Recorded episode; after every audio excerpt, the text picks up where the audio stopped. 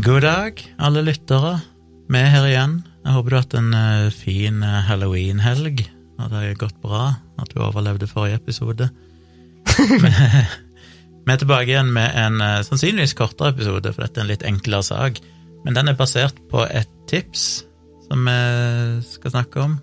Nå ser Oh. Tone veldig forskremt ut her. Jeg glemte å introdusere deg. Tone, er du Ja, her? jeg er her, jeg òg. Du har helt glemt meg. Nei. Med Kyla i eh, Ja, det siden ligger en liten hund her som driver og bytter på å snorke, sove og bite meg i fingrene. Så Men denne historien er basert på et tips som jeg fikk fra en anonym person, en eh, som signerer med 'Glad sørlending'. mm, Så, eh, ja. Så Og det, det er jo hyggelig alltid med eh, et tips. En tips, eh, når vi snakker om et tips vi har fått, så snakker vi om, eh, som regel om eh, mailadressen vår, for vi har en egen Mm. mail til denne podkasten, og det er virkelig grusomt at gmail.com, hvor vi mottar ros og ris, stort sett tips. Egentlig veldig mye ros, da må jeg si, det er veldig hyggelig. Men mange tips, saker som vi kan snakke om i podkasten her, som dere der ute finner rundt omkring, og det er veldig hyggelig. Så vi tar gjerne imot uh, tips fra dere, det er bare koselig. Det hender jeg får tips uh, på Instagram. Jeg er jo ikke noe glad i det. Hvis du har sendt meg tips på Instagram, for det første havner det som regel i spam, og da er det ikke alltid jeg ser det før det har gått en stund. Og uh, i tillegg så er jeg den som glemmer de vekk, for det er sånn, ok, det ligger der et sted, men det hjelper meg ikke så mye. Ja, det er det, Så fordi send, send alt via mail, for da ligger det her i, i forslagskassen vår. Ja, veldig gjerne, og den har vi tilgang på, begge to, den mailen. Mm. Men når dere sender tips på Instagram og sånn, så er det veldig hyggelig, men eh, da blir det som regel bare liggende der, og så glemmer vi at de fins, og så Men um, vi vil også tipse dere som vanlig om å følge oss på Facebook, Virkelig grusomt podkast på Facebook. Der eh, legger vi ut eh, bilder, litt linker til hver episode, hvis det er interessant for noen å dykke litt mer ned i grusomhetene. Og eh, samtidig en oppdatering her og der når det trengs, hvis det er et eller annet eh, spesielt. Men eh, vi skal hoppe inn i dagens sak. Hva er det du har gravd frem nå, Gunnar? Nei, det er atter en historie som jeg er usikker på om du har hørt om. Den er omtalt som The Witchica Massacre, eller The Witchica Horror. Eh, Eller Wichita, er det vel ikke Wichita? Ja, Wichita. Eh, Jeg, eh, jeg tror kanskje jeg vet vi det vet det, men jeg er veldig usikker.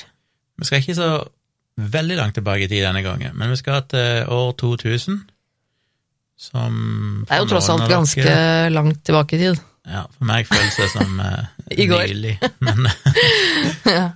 Jeg blir alltid sjokkert når jeg ser videoopptak fra 2000-tallet og tenker sånn shit, det ser ut som det er i 1980. Ja, Ting forandrer seg så mye på 20 år, men det er visst det. det er jo faktisk blitt over 20 år. Men vi skal til USA igjen, som vi jo så ofte skal, for det, det er tydelig at de sakene får mest medieomtale, og er lettest å finne på internettet. Men det er en ganske grusom sak som ikke er så omfattende og lang som den vi hadde blant annet i forrige episode. Um, men igjen så er det jo snakk om folk som ikke har hatt det så greit. De vi skal snakke om i dag, er et brødrepar som heter Reginald og Jonathan Carr. Mm. Og de vokste opp i ganske sånn kjipe forhold. De eh, ble født i Dodge City med foreldre som krangla veldig mye, og ofte var voldelige mot hverandre. Kan ikke folk som ikke kan ta vare på barna sine, bare slutte å få barn? Ja, Men uh, det, der er det jo en hel episode i seg sjøl. Det, ja. det er selvfølgelig komplisert. Men, eh, men de var voldelige mot hverandre. Faren deres, og seinere mora sine kjærester, hadde en tendens til å seksuelt forgripe seg på deres eldre søster. Så til slutt så, så skilte altså disse foreldrene seg, og faren stakk egentlig bare av og hadde ingenting med det å gjøre lenger. Mm. Mora deres, Janice Harding, hun gikk videre i livet og gifta seg på nytt, i, og endte opp i et ekteskap som var like voldelig og mislykka som det første. Som du jo ofte gjør. Ja, der blant annet den nye ektemannen en gang skal visstnok ha pekt en pistol mot hodet hennes og trua henne og sånne ting. Så ikke veldig hyggelig, Øh, og ikke så veldig greit for to Jeg vet ikke hvor gamle de var på dette tidspunktet, men, eh, men oppvoksende gutter da, å være Ja, nei. til. Det er jo uansett noe ingen barn skal kunne oppleve. Så tidvis så måtte Reginald og Jonathan bo hos eh, bestemor si, eller mormor si, som òg var ganske Igjen, dette går jo gjerne i, i familie, men hun var jo ganske ustabil, hun òg, og kunne visstnok bli ekstremt sint tidvis. Hun bestemora? Ja. Ja. Og var tidvis voldelig mot dem, blant annet ved å ha brukt elektriske ledninger på dem, selv om det er litt uklart hvordan hun brukte dem, om det var til å binde dem eller til å gi dem elektriske støt eller et eller annet. Men, men ikke noe en selvfølgelig skal gjøre med noen, og enda mindre med barn. Men det var nå hennes måte å, å ta ut sin aggresjon på. Så det definerte jo mye av hvordan livet deres blei. Reginald, som vel var den eldste av de, han ville ofte starte slåsskamper på skolen, og var eksepsjonelt dårlig, eller gjorde det dårlig på skolen. Men han var veldig beskyttende overfor bror sin, yngre bror sin, Ja. og ehm, på grunn av sin trøblete oppvekst så fikk han tidlig erfaring med både sex og narkotika, som han visstnok begynte med allerede i en alder av seks år gammel. Åh. Og Jonathan, Jonathan, denne yngre broren, han ble suicidal, og en gang så prøvde han å ta livet sitt ved å drikke frostvæske da han var 16 år gammel. Åh. Men lyktes altså ikke med det, da. Nei, og Reginald, han eldrebroren, han endte opp i en serie av mislykka ekteskap, og begge to var mye involvert i kriminalitet og hadde ja, mye på rullebladet etter hvert. Ja, de har ikke fått det beste utgangspunktet i livet, disse gutta. Nei. Så kommer da det som blir omtalt som The Wichita Horror. I eh, år 2000, i desember, og nå er det litt sånn forskjellige artikler med forskjellige datoer, men det starta vel 8. desember 2000. Da fant de plutselig ut at de skulle reise til Wichita, som jeg vet ikke hvor langt unna Dodge City det er, eller der de bodde er, men de fant ut de skulle til Wichita. Ok. Og skape Disse to brødrene, altså. Ja. De to okay. brødrene. Så de eh, kjørte til Wichita, og så fort de hadde kommet der, så fant de en fyr som var en eh, assisterende baseballtrener, som heter Andrew Schreiber. 23 år gammel, bare. Han eh, Nå skal jeg bare finne det riktige notatet her, sorry, folkens. Det er Ja. mye å holde styr på. Det går så bra, vi tilgir deg. Ja, De uh, fant nå han, han uh, tok de tak i, og han var på vei ut av en butikk eller et supermarked, og de uh, trua han med pistol, tvang han inn i bilen og tvang han til å kjøre til en minibank der han skulle ta ut penger til de. Altså, de raner han, liksom. De tenker Ja. at nå skal vi rane han fyren her. De skada ikke han direkte, men de endte opp med å kjøre han ut på et eller annet jorde et eller annet sted, og der skjøt de hull i dekkene hans og bare forlot han der, så han ble ikke fysisk skada. Det var da det første de gjorde. Ja. Tre dager seinere, vel, 11. desember, så er det noen artikler sier at det var begge to, andre sier at det var bare én av brødrene, så det er jeg litt usikker på, men eh, muligens bare én av brødrene, som da oppsøkte ei 55 år gammel eh, dame som var cellist, altså spilte cello, og bibliotekar Ja. som heter Anne Wellenta. Hun var i ferd med å parkere bilen sin foran huset sitt, og der kom da han ene av disse brødrene, uvisst hvem, og trua henne med pistol, eh, sannsynligvis for å stjele bilen hennes. Mm. Men hun satt fortsatt i bilen når dette skjedde, så hun prøvde umiddelbart å kjøre av gårde, men da fyrte han bare av masse skudd mot henne, og hun endte opp med å ja, bli truffet av flere skudd, og så det er nesten som en film, så eh, faller hun framover, og hodet eller brystet blir liggende på, på tuta, som jeg kaller det der jeg kommer ifra. ja. På ja, altså, Hornet. Ja. ja, på Ja, men altså, ja, på tuten. Så det var en nabo som hørte at denne bilen bare sto og tuta, så hun ringte 911. Og hun var ikke død ennå, så eh, hun ble tatt til sykehuset, men eh, døde tre dager seinere av skuddskadene. Men det er litt interessant, det som kommer likevel, for hun er fortsatt involvert i saken. Fordi tre dager seinere, samme dagen som hun døde, den 14. desember, så skjer det som blir kalt liksom den hovedsaken, da, The Wichita, Horror. Da ender disse to brødrene opp med å ja, bare bryte seg inn i et hjem, 12727 Birchwood Drive, og der bodde der, eller bodde og bodde, var iallfall fem personer der. Det var Brad Haker, som var 27 år gammel, Heather Muller, 25 år gammel, Aaron Sander, som var 29, og Jason Befort, som var 26, Å, og kjæresten hans, som i noen artikler så skriver de navnet hennes, i andre sier de det ikke. Og grunnen til at ikke de skriver navnet, er fordi at hvis du er Det er en lov som sier at hvis du er blitt utsatt for seksuelle overgrep, så skal du få lov å forbli anonym. ja, ok. Så jeg velger å ikke bruke navnet hennes, men initialene hennes er HG. Hun var 25 år gammel. Men så, ja, ok, så, så dette var liksom en vennegjeng, da, eller noen som bodde i et hus, eller? Ja, jeg er litt usikker på om de alle bodde der, eller om noen bodde der og de andre var på besøk. Det, det kom ikke helt klart Nei, fram, ok, men det var i hvert fall fem personer der. Så det var da tre menn og to damer.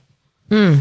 Og Jason Befort, som sagt, 26 år gammel, han hadde da en kjæreste som blir omtalt som HG, som var 25, så de var sammen.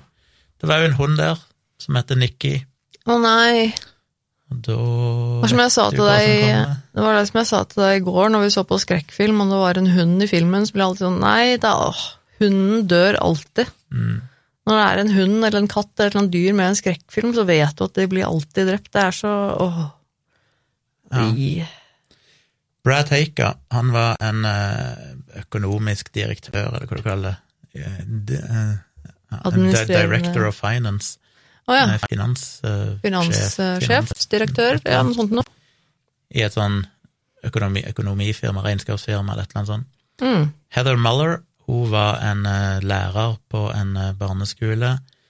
Eh, Aaron Sander han studerte for å bli prest, og Jason Befort han var en lærer ved videregående skole, og hun som kalles for HG, var en lærer. Så de to brødrene brøt seg inn til de og hadde vel tenkt å rane dette huset. Ja. Det første de gjorde, var å Ja, de gikk fra rom til rom. Først så klar... Ja, skal vi se Eh, eh, Litt sånn forskjellige, forskjellige forklaringer da, men de gikk vel først inn på ett rom og fant den ene personen, og så henta de de andre og basically tvang alle til å, å være der. Så de Inne- samla alle ett rom? Ja. Eh, Jo, sånn var det. De fant Sander, jeg bare husker alle navnene igjen, Aaron Sander. Mm. Så de vekte han opp og trua han med pistol, og så drog de han inn til den eh, Brad Haker sitt Mm. rom. Og så henta de etter hvert alle de andre, de gikk inn på ett et rom, der disse lå og sov, vekte de opp og trua de, og samla de sammen inn på et rom. Og så tvang de de til å kle seg nakne, og begynte da å slå disse tre mennene med golfkølle Hæ? mens de fortsatte med å voldta damene etter tur. Og så tvang de òg mennene til å begå seksuelle, forskjellige typer seksuelle handlinger mot både hverandre og mot damene. Ah, Så det var jo en, en hyggelig kveld. Og utover kvelden, mens de fortsatte liksom å mishandle de og voldta de, så tok de en og en av de med seg i bilen og kjørte de til minibank og tvang de til å ta ut så mye penger de kunne fra hver sin konto, mens den andre broren ble igjen og passa på de fire som var igjen til enhver tid. Det er nesten eh, eh, eh, sånn, Men det er så mange mennesker mot de to brødrene. Det er nesten litt sånn Ja, hadde jo pistoler, da.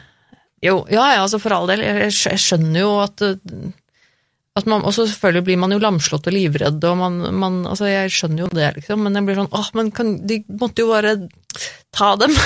Ja. Åh, ja, nei. Altså når, du, når du vet eh, hvor ille det blir og sånn, så tenker en jo alltid at de hadde jo ikke hatt noe tapt på å prøvd seg. Men det er klart på det Åh, ja, det de tidspunktet ikke. så tenker du jo bare alltid at dette er liksom bare er rolig nå, så Ja. kan dette gå bra, ikke sant? Så Mm. du tør jo egentlig ikke å ta noen sjanser som kan føre til at du provoserer de, eller setter andre sitt liv i fare og sånn. Mm.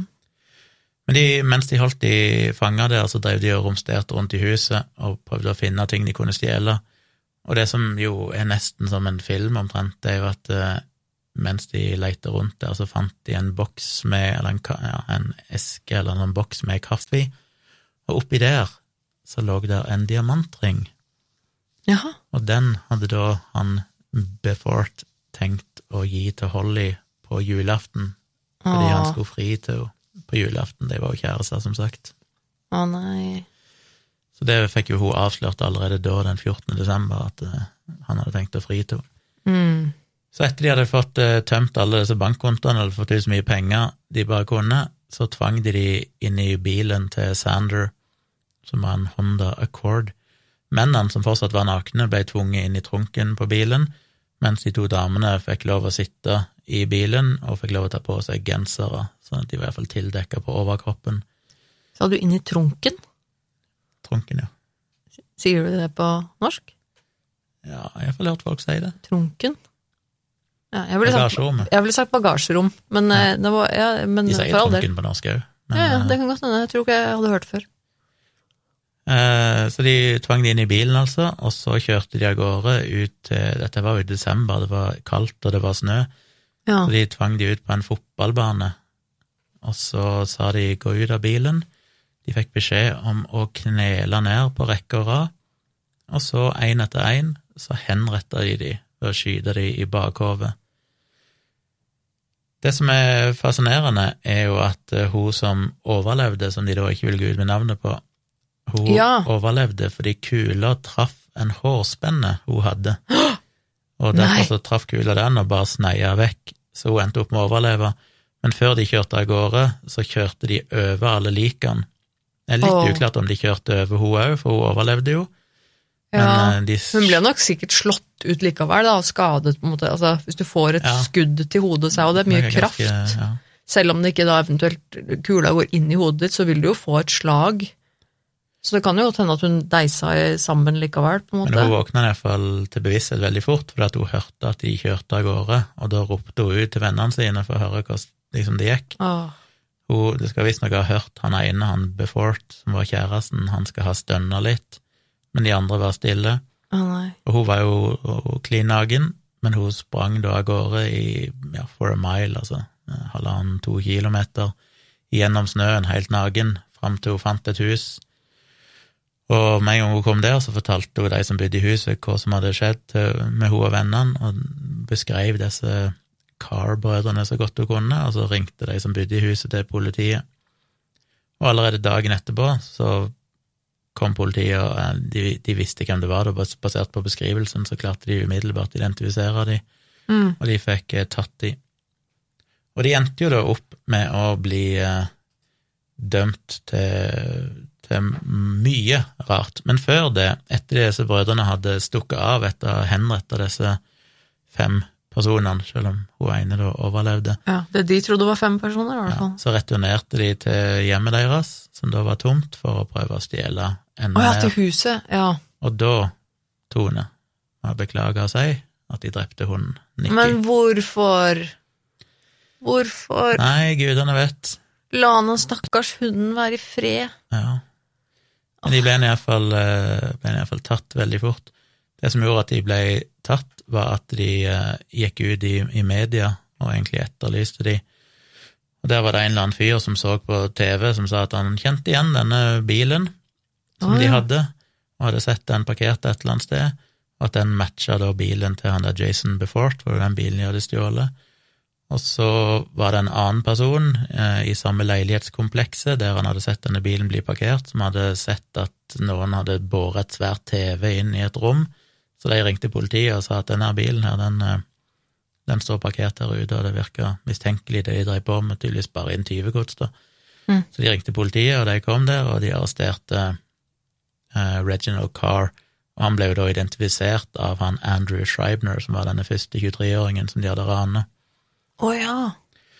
Og i tillegg så klarte jo, det er det som er litt sånn ja, ekstremt trist, men litt fascinerende, at hun eh, bibliotekaren Anne Walenta, som hadde blitt skutt tre dager tidligere, hun rakk faktisk å identifisere de, eller ja, si at jo, dette er de som, iallfall den ene, da, som skjøt meg Oi. før hun døde, så hun, hun døde jo samme dagen. Hun lå på sykehuset, men rakk liksom akkurat å identifisere Oi, wow. de før hun til slutt døde av skuddskadene. Ja. Så det er jo ja, mm, ganske spesielt. Ah. Så de endte jo opp med å bli, eh, bli dømt for en sinnssykt mange tilfeller av kriminalitet. Eh, Reginald han ble dømt for 50 tilfeller av kriminalitet, som var både overlagt drap og ja, alt mulig annet. Eh, Kidnapping, eh, ran Så de ble bare pågrepet mens de drev og sanka tyvegods fra dette huset, da, eller? Nei, altså De hadde jo kommet seg tilbake igjen til, til sitt eget hjem, som var en eller annen sånn leilighetskompleks. Å ja, sånn, ja. ja. Der var det noen naboer som hadde sett bilen, som de da gjenkjente fra Ah, TV. ja, ja, ja. Ja. Men jeg tror det var åpenbart Siden hun døde tre dager etter hun ble skutt, hun Anne Valente, og de gjennomførte denne Wichita Horror tre dager etterpå, så må det ha skjedd ganske umiddelbart. Det må bety at eh, hun Mm. HD som overlevde, klarte å springe av gårde til, til dette huset, anmeldte politiet, og så må det egentlig ha vært på TV basically samme dagen at disse var Ja. etterlyst. Ja, det kan Så har de da blitt identifisert, eh, denne bilen, og at de bare inn tyvegods og sånn samme dagen, og blitt arrestert, og så rakk de å få en beskrivelse av henne før hun døde. Så dette skjedde jo veldig, veldig fort, tydeligvis. Mm. Eh, Så enten samme dagen eller ja, timer seinere så har de da blitt eh, identifisert og, og tatt. Og de ble jo da sikta og dømt for både kidnapping, ran, voldtekt, fire overlagte drap og ett tilfelle av uh, first degree murder. Four Mm. counts of capital murder og one account of first degree murder. Igjen, jeg husker aldri helt hva som jeg går på norsk, men uh, Nei, jeg husker ikke helt det, eller forskjellen på de, altså. Men uh, ja. Så Reginald han ble sikta og dømt for 50 forskjellige ting, og Jonathan for 43. Og så er det jo et etterspill her òg som har vært interessant i amerikansk sånn, historie. Det ene er jo at de ble dømt til, til Eller de fikk dødsdom, begge to, for disse drapene. Ja. Og i tillegg til dødsdom så fikk de jo da eh, livstid i fengsel, og måtte da sone flere tiår før det var noen mulighet for at de kunne få prøveløslatelse. Men så skjedde jo dette i Kansas, og på det tidspunktet så hadde jo da Kansas dødsstraff, Mm. men i 2004 så fant Høyesterett i Kansas ut at eh, de ikke skulle ha dødsstraff lenger, Mm. men så ble dette anka da av uh, Attorney General i Kansas, som anka til høyesterett i USA, som endte opp med å konkludere med at jo, de kunne, det var faktisk i tråd med, med grunnloven å ha dødsstraff, så de beholdt dødsstraffen allikevel. Oh. Og så i 2014 så endte Kansas sin eh, høyesterett igjen opp med å endre dødsstraffen til bare livstid i fengsel på grunn av en sånn juridisk technicality, okay. som vel blant annet gikk på at de hadde i stor grad behandla de to sakene sammen, selv om de egentlig skulle ha blitt behandla separat og sånn, og det hadde vært mye overlapp, og ja, det hadde ikke blitt gjort sånn som det skulle. Så de eh, fikk denne dødsdommen endra igjen. Mm. Men så ble det anka igjen til Høyesterett i USA, som da eh, snudde på dette og sa at jo, de skal fortsatt ha dødsstraff. Så det har vært mye fram og tilbake der, med at de har fått først dødsstraff, og så blir det endret til livstid, men så blir det endret tilbake igjen til dødsstraff, og så blir det endret tilbake igjen til livstid, og så ble det til slutt da i 2016 endret tilbake igjen til dødsstraff, Aha, og de sitter fortsatt nå på, på Death Row? Ja, i ok. eh, El Dorado Correctional Facility, som er en maximum security prison i Er det Kansas, da, eller? ja, nordøst for Wichita. Mm. Det er sikkert i Kansas. Så eh, ja, så de eh, er, skal fortsatt få dødsdom, men gudene vet når det er. Dette skjedde jo i 2000, så nå har de jo sittet 21 år. Eh, Det står ikke noe oppdatert informasjon om at de har blitt henrettet ennå. Nei, det, de sitter vel der ennå. 21 år på death row og venta på det. Og så ble det jo en debatt da i ettertid med om dette var rasistisk motivert eller ikke, fordi det Mm. var jo disse to, Jonathan og Reginald, var begge svarte. Og At hva var rasistisk motivert? At- altså dom, dom, eller at Nei, de at gutta Nei, gjorde, selve eller? drapene og dette var rasistisk, altså at det ble ah, ja. rasistisk mot hvite, da. Ja. Eh, Men det fant de vel ikke noe grunnlag for, selv om alle ofrene deres var hvite, så var det ikke noe grunnlag for å hevde det. Og de har ikke forklart noen grunn heller sjøl? Nei, ikke det jeg har funnet ut av. Um, Mm. Det er vel bare De var jo involvert i mye kriminalitet, og tydeligvis i utgangspunktet så var all planen om å rane dette huset, det var jo det de hadde gjort mye tidligere. Det var jo stort sett å, å true folk med pistol og rane de, som de gjorde Mm. med de, de to første, enten det var å rane bilen eller rane penger av de. Mm. Så kanskje det var litt tilfeldigheter, alt å si, som gjorde at de endte opp med å, å drepe de. Kanskje de bare fant ut de har fem personer der, som de da av en eller annen grunn er tvunget til å, å voldta hverandre, og de har voldtatt de sjøl, og kanskje tenkt at det er kanskje litt dumt å la fem personer som vi har voldtatt og misbrukt og banka opp, eh, få lov å leve, så kanskje vi bare må drepe dem for å Ja, det ble litt revet med 'oi, dette var gøy', og nå kan vi få dem til å gjøre masse rart, og så syntes de det var kjempeartig, og så ble det 'å, ok, ja, kanskje ikke så lurt', å ja ja, vi får jo drepe de, da. Men Ja, hvorfor det de drepte hunden, vet vi jo ikke. Ah, Men. Men jeg, jeg, jeg skjønner jo logikken til de gutta i den liksom øh, øh, Fucka logikken der, liksom. At øh, ja, da kan jeg jo på en måte forstå hvorfor de valgte å da kvitte seg med vitnene. Eh, Istedenfor å bare la dem gå. De hadde jo ikke kommet unna med det altså, Jeg hadde i hvert fall ikke kommet unna med det hvis de hadde bare latt dem gå. Så den, jeg kan jo skjønne logikken der, på en måte. Mm.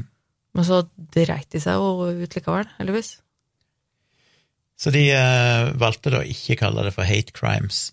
Men Mm. så var det en del medie, kommentatorer i media, spesielt fra konservative medier, som mente at uh, disse sakene hadde ikke fått nok medieoppmerksomhet.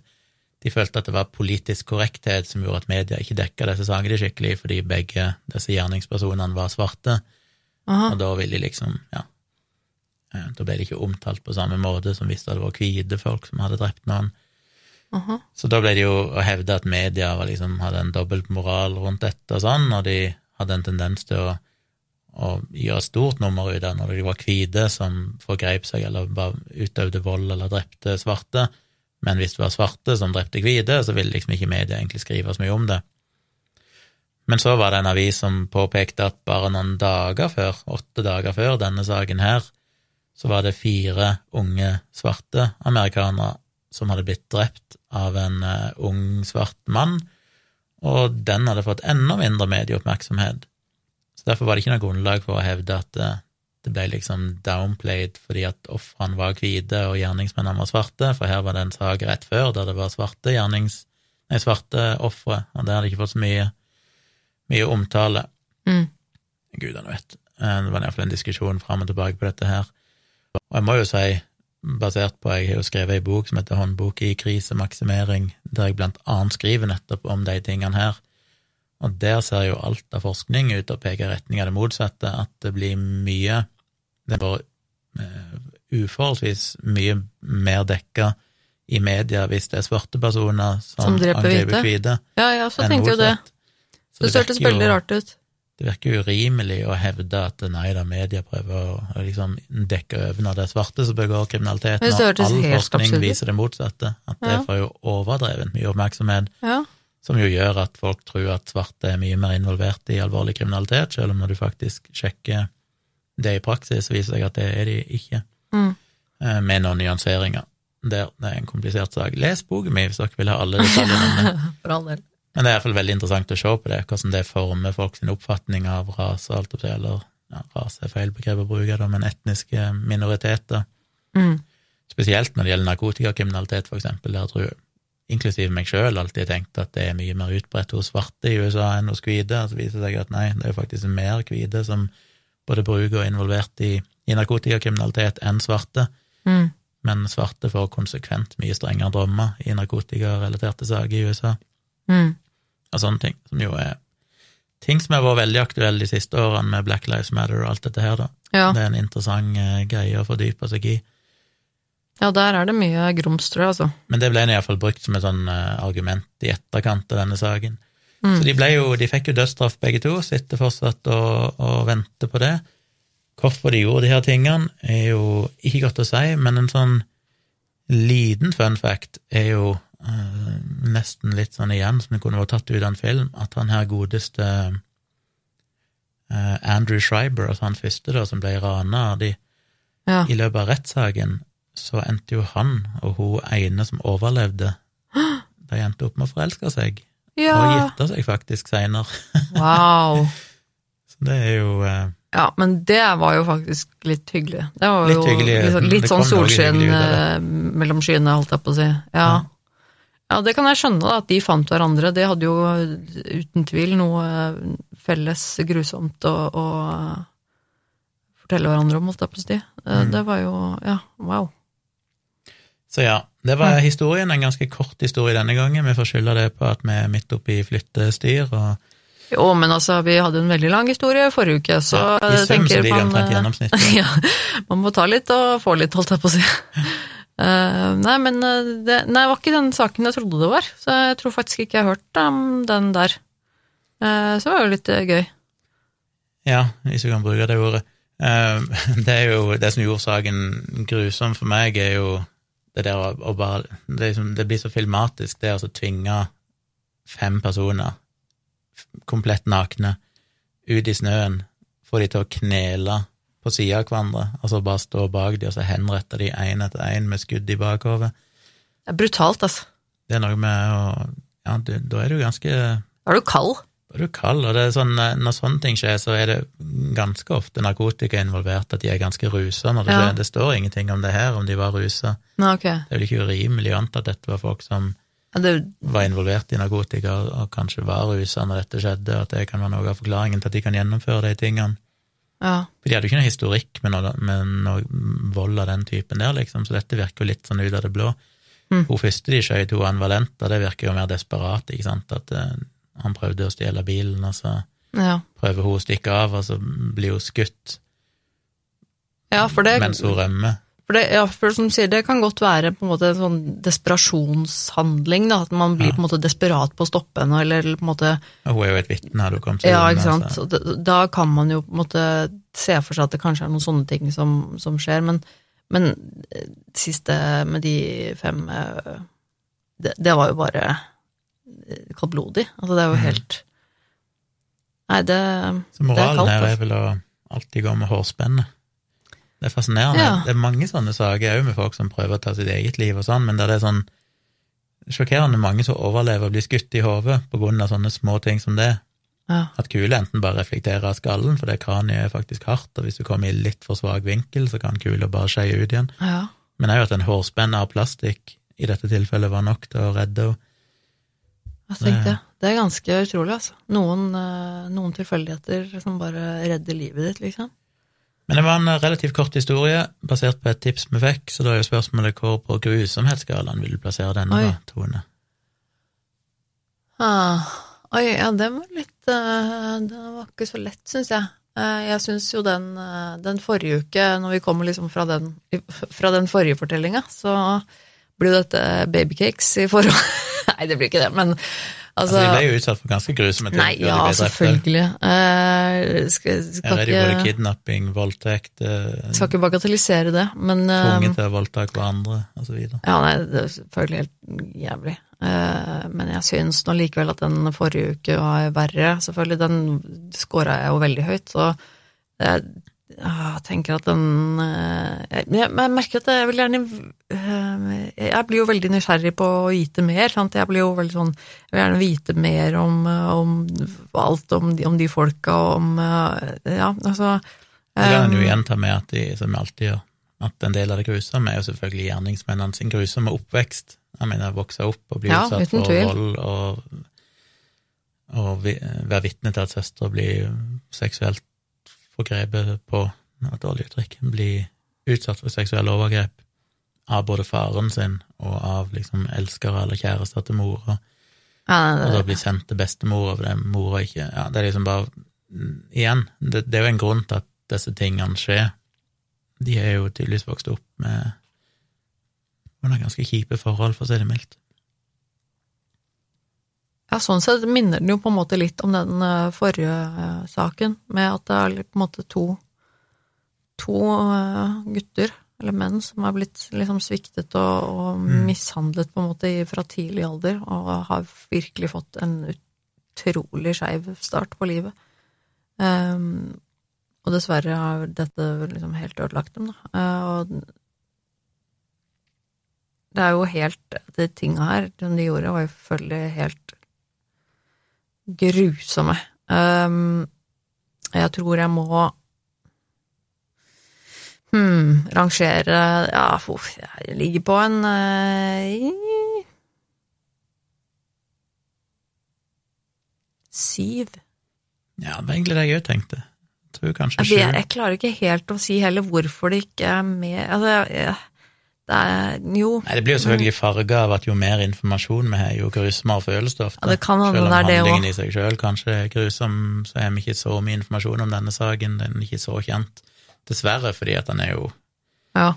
eh, litt for mainstream, nesten, i USA. Det er ikke så, så det. sjelden eh, Nei, det, jeg tror jeg havner på rundt syv, uh, det, så, så det er jo fortsatt rimelig grusomt, vil jeg si, da. Men uh, Jeg vet heller ikke tidsaspektet her. De ble jo vekt opp tydeligvis på natta, de her fem. ja. Og så blir de da utsatt for vold og voldtekt. Det er jo, sånn, altså, om hvor det- lenge det varte. Ikke at det nødvendigvis er så viktig, men, Men- om det varte i mange timer, eller om det var Men, men kan jo på en måte altså det, og, det tror jeg er noe av det jævligste man på en måte kan oppleve, da. Bare det å bli angrepet i sitt eget hjem. mm. Jeg tror det, det er eh, For det er noe med at når du er i ditt eget hjem, så skal du på en måte i utgangspunktet være trygg, da. Det er jo det stedet du føler deg trygg, som regel. Og så at man da blir eh, At det er uvedkommende som tar seg inn i hjemmet ditt og, og skader deg både fysisk og psykisk på den måten, og liksom Det, det er et så Så er det jo et aspekt vi ikke skal glemme her, og det er at sånn som i forrige historie med så er det jo på en måte ett offer som blir utsatt for gjerningsmenn som, som misbruker, torturerer og dreper. Det som er så ekstra ille i denne saken, er at de blir tvunget til å begå overgrep på hverandre. Og bare Ja. tenk deg det, å bli tvunget til å måtte voldta eller Ja. seksuelt forgripe deg på på en du En egentlig er glad i, eller altså Ja. Ja, på, på, på Ja, hvem som helst, altså, herregud. Men Og den psykologiske Ja, det må av det er jo Ja, det må være helt for jævlig. Så, ø, ø, uten tvil, hvis disse menneskene her hadde Altså, hvis de hadde overlevd, uh, så er det jo ikke noe tvil om at de helt garantert hadde vært veldig, veldig psykisk traumatisert av dette her. Ja, kanskje. Hun ene overlevde jo tross alt. Ja, Hun var sikkert- Nei, jeg tror ikke det er ubetydelig, men det er jo alltid farlig å si at folk skal oppleve ting sånn og sånn. Noen takler det jo bedre enn andre, men, Jo, jo, selvfølgelig, men jeg det mener kan- det, det er jo helt klart ting som er ehm, Som man vil eh, Som setter spor igjen. Ja, det er nok neppe ubetydelig, for å si det sånn. Ikke bare det å bli utsatt for det, men så i tillegg da bevitne sine venner bli henrettet og kjørt over med bil, og så Nei, det måtte springe naken av gårde for å få hjelp og hele den. Altså, det er jo så mye. Helt vilt. Men eh, nei, det der med å det, det er jo noen ting som jeg har tenkt på som jeg tror må være noe av det eh, Noe av det mest jævlig jeg kunne ha opplevd, det er på en måte den der redselen for at noen skal ta seg inn i hjemmet ditt om natten mens du sover, liksom. Mm. Um, det, er, det er ordentlig skummelt, altså. Det, det, det er liksom noe med noe eget med den derre med at noen invaderer ditt safe space på et sted du tror du er trygg, og så plutselig at det er noen som skal da komme og ta seg inn der. Det, er, det, er, det skjønner jeg at folk blir eh, skada av, holdt jeg på å si. Det, åh, det tror jeg, ja. Ja, det er vanskelig å føle trygghet. Jeg har jo sjøl ei venninne som for et par år siden eller sånn opplevde at hun plutselig lå på rommet sitt, og så bu bort på Grünerløkka, som plutselig hørte bare at det var noen inne i i leiligheten hennes. Å, fy og fader, ass, det er tror hun fortsatt sliter med utrygghet. Og Ja, selvfølgelig, også holdt jeg på å si, ja, hun det lagde vel skjønner jeg. noe bråk, tror jeg, eller jeg husker ikke helt hva som skjedde, sånn, de stakk av, men de klarte å bryte seg inn til henne mens hun sov, liksom. Så det er jo det, det er eh, Det er virkelig noe som jeg tror at hadde shaka meg ordentlig opp, ass. Det å oppleve det. Men jeg er enig med deg, jeg tror jeg òg plasserer det på, på en sjuer på skalaen, og vi er jo alltid nysgjerrige på hva dere lyttere mener om det, så eh, vi poster jo disse her episodene inne på blant annet Facebook-sida vår, virkelig grusomt, og òg på Instagram og Twitter. Men spesielt på Facebook så er det veldig kult om dere skriver din kommentar om hva dere tenker om hver episode, og kanskje gi det en rangering sjøl på grusomhetsskalaen. Hør om dere er enige eller uenige med oss. Det er alltid veldig eh, spennende å lese hva dere mener der ute. Og um, som nevnt, så må dere jo gjerne også komme med tips til andre saker vi burde snakke om i podkasten. Det kan dere sende inn til virkeliggrusomt at gmail.com. Da har vi det tilgjengelig begge to, så vi kan eh, grave oss litt ned i det og ja, sjekke det ut. Så må vi gjerne si selvfølgelig takk for at du har hørt på podkasten. Og håper selvfølgelig at du likte det, og at du hører på igjen eh, neste uke, for det regner med at vi er tilbake om en ukes tid. Ja. Da har jeg, jeg har jo noen line opp, noen episoder som jeg tenker vi skal snakke om. Iallfall en av de er litt i tråd med forrige episode. Litt sånn grusom eh, med masse detaljer over lengre tid, så den Ja, dessverre nok av grusomheter å ta av. Men eh, ja, takk for at dere hørte på. Vi er tilbake igjen om ei uke. Ha det!